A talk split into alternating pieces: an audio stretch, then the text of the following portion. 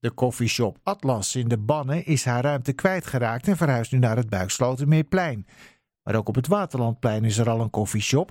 En al met al vindt stadscommissielid Ayse Koningseven van Denk dit bij elkaar toch iets te veel van het goede. Heel veel mensen maken zich zorgen. Ik ook eigenlijk, want ik woon in dat gebied.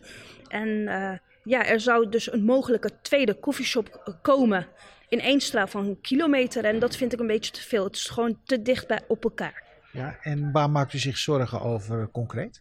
Nou, wat wij laatst hebben gezien, dat er heel veel incidenten zijn gebeurd in dat gebied.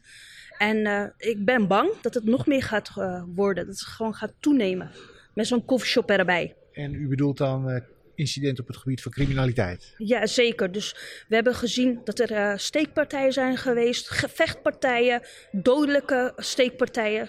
En dat wil ik eigenlijk terugdringen. En ik denk niet dat dat een koffieshop daarbij helpt. Met alle respect voor de ondernemers. Maar daarvan zegt stadsdeelvoorzitter Brahim Abid van ja, zo'n koffieshop, dat kun je juist reguleren. Drugshandel op straat, dat is het probleem. Daardoor komt die criminaliteit. Dus laat die koffieshop komen, dan wordt het juist beter. Ja, dat snap ik wel. die redenering begrijp ik ook wel. Maar je hebt een koffieshop op minder dan een straal van 1 kilometer. Je kan er gewoon daar naartoe fietsen. Dat is twee keer zo goed. Nou, dat denk ik niet, want je, het is zo dichtbij. Je kan het beter in een ander bedieningsgebied zetten. Dus met de verplaatsing van de koffieshop uit de bannen heb je nu een gat gecreëerd. Die kan beter het ergens anders laten terugkomen. Liever, volgens onze fractie Denk Amsterdam Noord, willen wij het buiten de woonwijk hebben. Dat eigenlijk in de vorige periode is besloten dat er een koffieshop is gekomen op het Waterlandplein buurt. Als ik toen ook stadscommissie zou zijn geweest, had ik er ook tegen gestemd. Ja, nou u heeft er nu vragen over gesteld. U heeft ook het antwoord van Brahim Abid gehoord, uh, stadsdeelvoorzitter.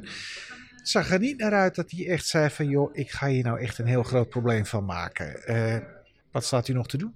Nou, dat heb ik wel begrepen. Dat verwacht ik ook een beetje. Maar ik ben het natuurlijk niet met hem eens. En ik, ik overweeg een handtekeningactie. We gaan het afwachten. Ja, dank u wel.